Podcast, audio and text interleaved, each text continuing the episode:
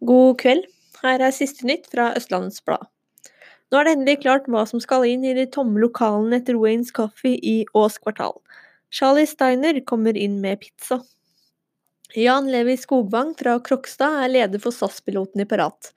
Det var i grevens tid at meklingen kom i havn, han skal nemlig gifte bort datteren sin i morgen. Oppegård kommune er ute og advarer lokalbefolkningen mot aggressiv elg i området rundt Grønløsen.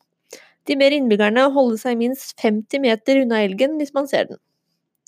Og Vestby kommune gir blaffen i Ikeas advokat her. De skriver ned verdien på Ikea-tomta fra 200 millioner kroner til 700 000 kroner. Og Stellan Gjerpseth Østli i Frp syns lite om Skis mål om 20 syklende innen 2030.